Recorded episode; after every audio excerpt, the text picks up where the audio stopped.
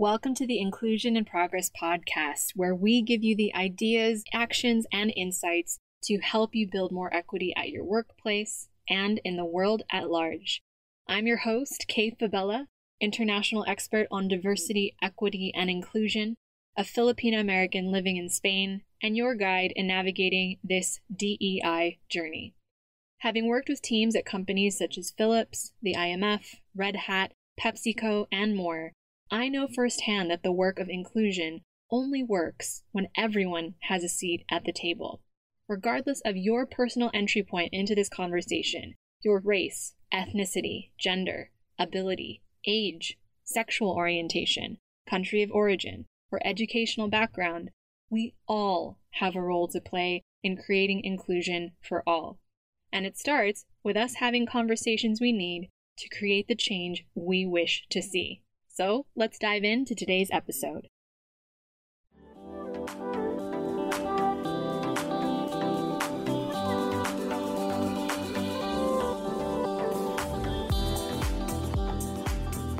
Hey there, and thank you again for joining us on Inclusion in Progress. So, again, I'm Kay Fabella, a DEI consultant for remote teams, mainly in the tech space, but we work with folks from everywhere. I also lead a remote team and work with clients across EMEA, APAC, and the Americas. And our global DEI consultancy, surprise, surprise, is also called Inclusion in Progress. And on this show, our aim is to provide you a truly global perspective of how the future of work is evolving in real time. Now, Inclusion in Progress, the podcast, is actually coming up on its 100th episode and its third year running. And this show, and I've said this before multiple times, is really a labor of love. And it really wouldn't be possible without the support of listeners like yourselves. We appreciate how many of you now tuning in from over 35 countries around the world continue to engage with our content on how the DEI or diversity, equity, and inclusion conversation is evolving in workplaces, how the future of work is being shaped in our post pandemic world, and how cross cultural communication is now even more fundamental as we witness demographic shifts across the globe. So, again, if you could do us a five minute favor, whether you are a long-time listener of the podcast and you've been supporting us from the beginning, thank you. Or you've just binged your first few episodes and you're digging what you're hearing, we would really appreciate you leaving us a review on your favorite podcast app. Every review, iTunes, Spotify, whatever you're listening to, it helps us reach those who'd gain value from these conversations, whether the listener is a current or aspiring DEI leader whether they're an ally who's finding their way to support greater inclusion, or a manager who is leading a distributed multicultural team. Your review also helps more people leading equity and inclusion at work, whether in an official or unofficial capacity, have access to the discussions that we're having here. Now, Hadi left us a review a few months ago that said, quote, I love DEI, and I can tell that Kay does too. This show brings together best of breed ideas and guests for important conversations. I've used a lot of what I've learned on this podcast to promote DEI at work. Kay is a great host who is clearly well versed on the topic. Now, Hadi also happens to be one of our former clients, so I wanted to make sure she got a shout out. And it just goes to show you that even our client partners who work with us or who have worked with us over the years have continued to listen to the show in between calls and projects, and we really appreciate it. So, again, the easiest way to support us in creating greater inclusion at work is to take a few minutes to leave that review on your favorite podcast app so that more people who need these resources can benefit and continue our mission to change workplaces for the better. Again, as always, we will leave instructions for you to leave that review for us at the link in the show notes of this episode. So, to kick off the discussion today, I want to dive into a topic, or I guess if I'm being more specific, a person who set my LinkedIn feed on fire a few months ago Malcolm Gladwell. Now, for those of you who don't know, he is a journalist and a New York Times bestselling author of some of my favorite books, including ones like The Tipping Point, Blink, and Outliers. Now, 20 years ago, when he was getting his career started, Gladwell was actually quoted as saying that he hated desks and often wrote his bestsellers on sofas or in coffee shops. He even wrote the book Blink while he was traveling between London, New York, and Rome. Not a bad place to continue your writing, right? Yet he was recently quoted as saying that company culture is dying if you don't come into the office. Now, as a DEI consultant who's worked with remote teams since before the pandemic, this conversation, or we'll say more accurately, this soundbite, really caught my attention. And of course, like all things with content, you have to really just listen to the entire piece, in this case, this interview, to understand the entire context of what he was discussing. But of course, as Gladwell hit on a nerve, that company culture is now a huge question for all of us in a post pandemic world. Many of our own client partners from the likes of Red Hat, Instagram, Philips, Jamf, Listrak, and many more are all considering this question of what does company culture mean? Things like how do we reimagine our organizations for a world where our teams have little or no face to face interaction with each other or their leaders as they move away from physical workspaces? How can we design environments where we integrate new folks who are joining a company while building the types of bonds between people that establish a company culture that works, no matter where employees are? But all of this to say, does this mean that company culture is dying? as Gladwell says. So, in this episode, we're going to share our thoughts on that question, as well as some of the things that we've seen over the course of 2022 and the future of remote working in 2023 and beyond, because these questions aren't going away. And I'll also be sharing my thoughts on whether company culture is dying. Spoiler alert, it's not. so, let's dive into the episode. Now, back in episode 72, where we looked at what does company culture mean today, we revisited this idea of culture, its bare bones definition, the ideas, customs, and social behavior of a particular people or society. Now, in a working environment, that translates to the feeling of connection that team members experience between themselves and with their employer, even while working at a distance. So be sure to check out episode 72 after this episode. But as we know, pre pandemic, company culture as we knew it was built and maintained through things like shared values, priorities at work, attitudes, work styles, different worldviews or perspectives of whoever was present in the company.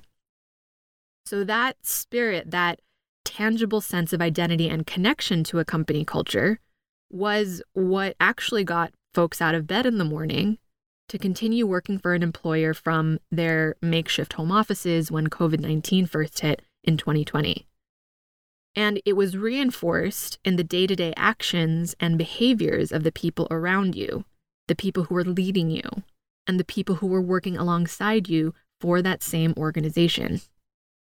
That shared set of norms and behaviors either reinforce the feeling of connection to your company or they were the things that prompted you to consider leaving. Now, as offices reopen and organizations navigate either fully remote or hybrid work environments, company culture is being asked to evolve yet again. So, to me and to our team here at Inclusion in Progress, company culture isn't dying, what is dying, however, is our outdated idea of what a workplace should look like and what work means. And there's a few reasons for that. So here are a few of the things that we want to discuss today. First, connection doesn't have to happen in one building. In episode 97, Three Hybrid Workplace Models That Are Working, we shared the example of Quora, which actually repurposed their Silicon Valley headquarters where they originally had 950 employees working together at the start of the pandemic. But rather than reducing the size of their workforce, they actually expanded to where they recruited from, including nine non US countries and 12 states where they had not been located before. Now, Anthony Rotoli, Quora's VP of People Operations and Talent, said the company has seen a rise in applications from around the world and outside the Bay Area where they were based since it went remote first in 2020. Quora now has workers from all time zones and is hiring in all 50 US states. So, to meet the needs of their globally distributed workforce, they now offer a hybrid working model, but are also planning on renting local co working spaces to allow employees to get in person time wherever they happen to be located. They've even converted their Silicon Valley headquarters into what will serve as primarily a co working space for employees. So, the savings that are going to be made for the company from going remote have allowed them to hire more people and grow their business, which is now valuated at $2 billion. So, the moral here is you don't have to hire co working spaces or even meet in person to create connections within your remote teams. Creating spaces for conversation, including non work relationships or outside of work relationships, is possible as long as you're intentional about it. So, when it comes to adapting culture for effectively managing remote teams, bringing employees together at a distance, of course, requires more intention, more structure, better multitasking skills, better communication tools, and a high level of transparency from everyone involved. It also takes mindfulness and a capacity to reimagine the traditional ways of how our employees will work together.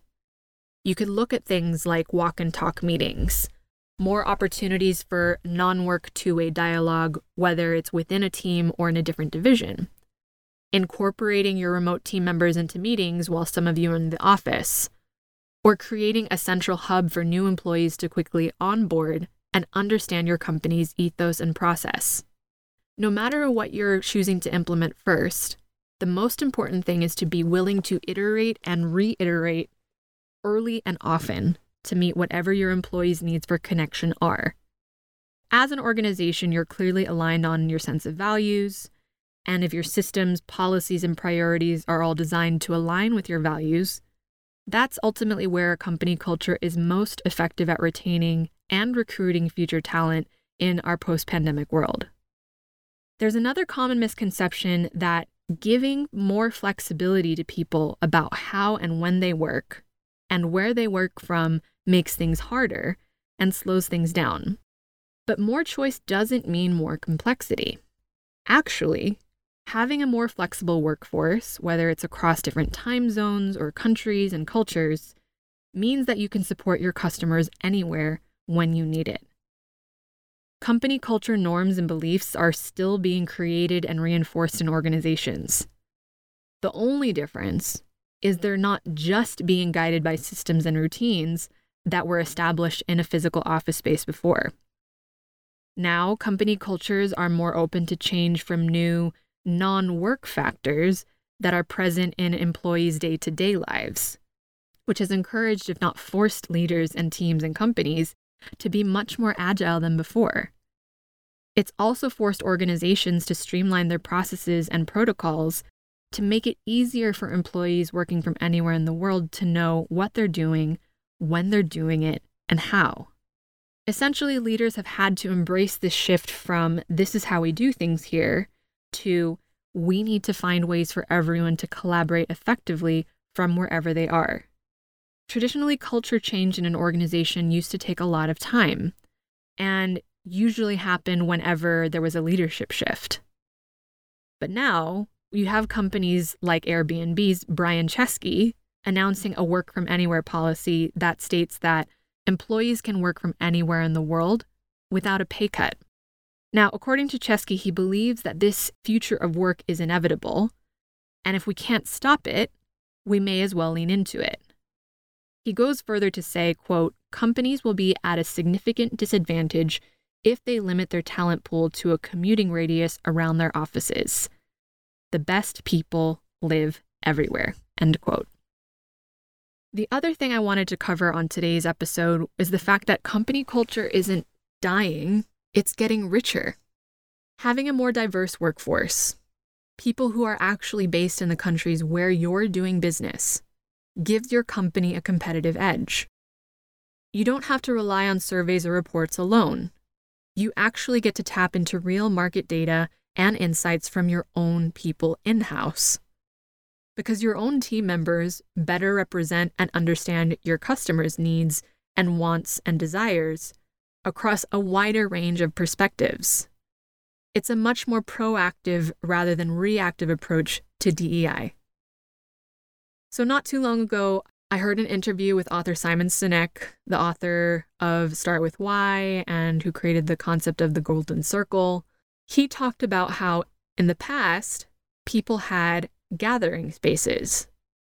They used to meet in gathering spaces like churches or community groups, volunteer opportunities, sports teams, places where they could find connection and meaning with like minded people. Obviously, many of those spaces went away overnight during the pandemic.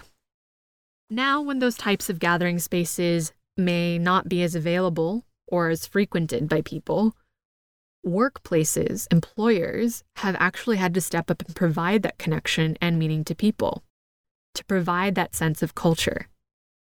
And not only that, we're seeing that expectation, particularly in millennials and Gen Z professionals who actively seek out meaningful work and a sense of connection to their employers and fellow team members. Since the pandemic began in March 2020, organizations went through much needed cultural changes when remote and then hybrid work forced us to innovate and find new ways of doing things. So we found things like trust, collaboration, and empowerment among teams, which helped contribute to an evolving company culture post pandemic. So, again, when we were moving from this idea of this is how we've always done things around here, that everything that determined company culture was top down, to a growth focused, let's give everyone the space and grace to figure this out together, that mindset became essential to adapting company cultures to a new workplace. It meant new perspectives, it meant folding in new voices that maybe hadn't had a chance to contribute before. And continuing that is going to be critical not only in evolving company culture for the future of work, but also in keeping your best people, which will also help you to compete effectively in attracting even more great talent to your organization moving forward and keeping your competitive edge in an ever changing world. So, there you have it our brief answer to the question Is company culture dying because of remote work? I already gave you the spoiler, but now you have the more detailed answer. and while every organization is really genuinely doing the best they can to adapt to the changes in our structures and our expectations of work, at Inclusion in Progress, we see company culture evolving and taking a necessary step forward in creating equity and inclusion for all. We know the DEI conversation might seem overwhelming for organizations, specifically, how to make sure that no one gets left behind as we move to flexible or hybrid workplaces. So, if you're listening to this as a forward thinking leader, you know your job is to understand what your people need today, to keep them long enough to contribute their best ideas, and help recruit the best people tomorrow. So, if you want someone to help you make hybrid work inclusive and efficient for your distributed teams, no matter where they are in the world, we can help. As a global DEI consultancy that specializes in supporting remote teams around the world, we partner with forward thinking leaders like yourself through both data driven and qualitative strategies centering the well being of your people, no matter where they come from or where they choose to work. And one of the ways we can support you is through our inclusive virtual work survey, which allows you to gather the data you need to immediately know what policy or strategy to implement that is tailored to meeting your global teams where they're at. We'll share our insights from working with companies across EMEA, APAC, and the Americas so you can navigate the minefield of how to apply your inclusion strategy to untap the full potential of everyone in your distributed workforce. So, to learn more about our inclusive virtual work survey, and how we can start rolling it out to support your global DEI strategies direction in 2023, head to the link in the show notes to book a call to learn more. If you'd like to learn how we can support you, email us directly at info at inclusioninprogress.com to book a call and learn how we can help you gather the data that you need for an inclusive, flexible work strategy that retains your best people and ideas. As always, thank you for listening. Thank you for sharing these episodes with others. And we'll see you next time on Inclusion in Progress.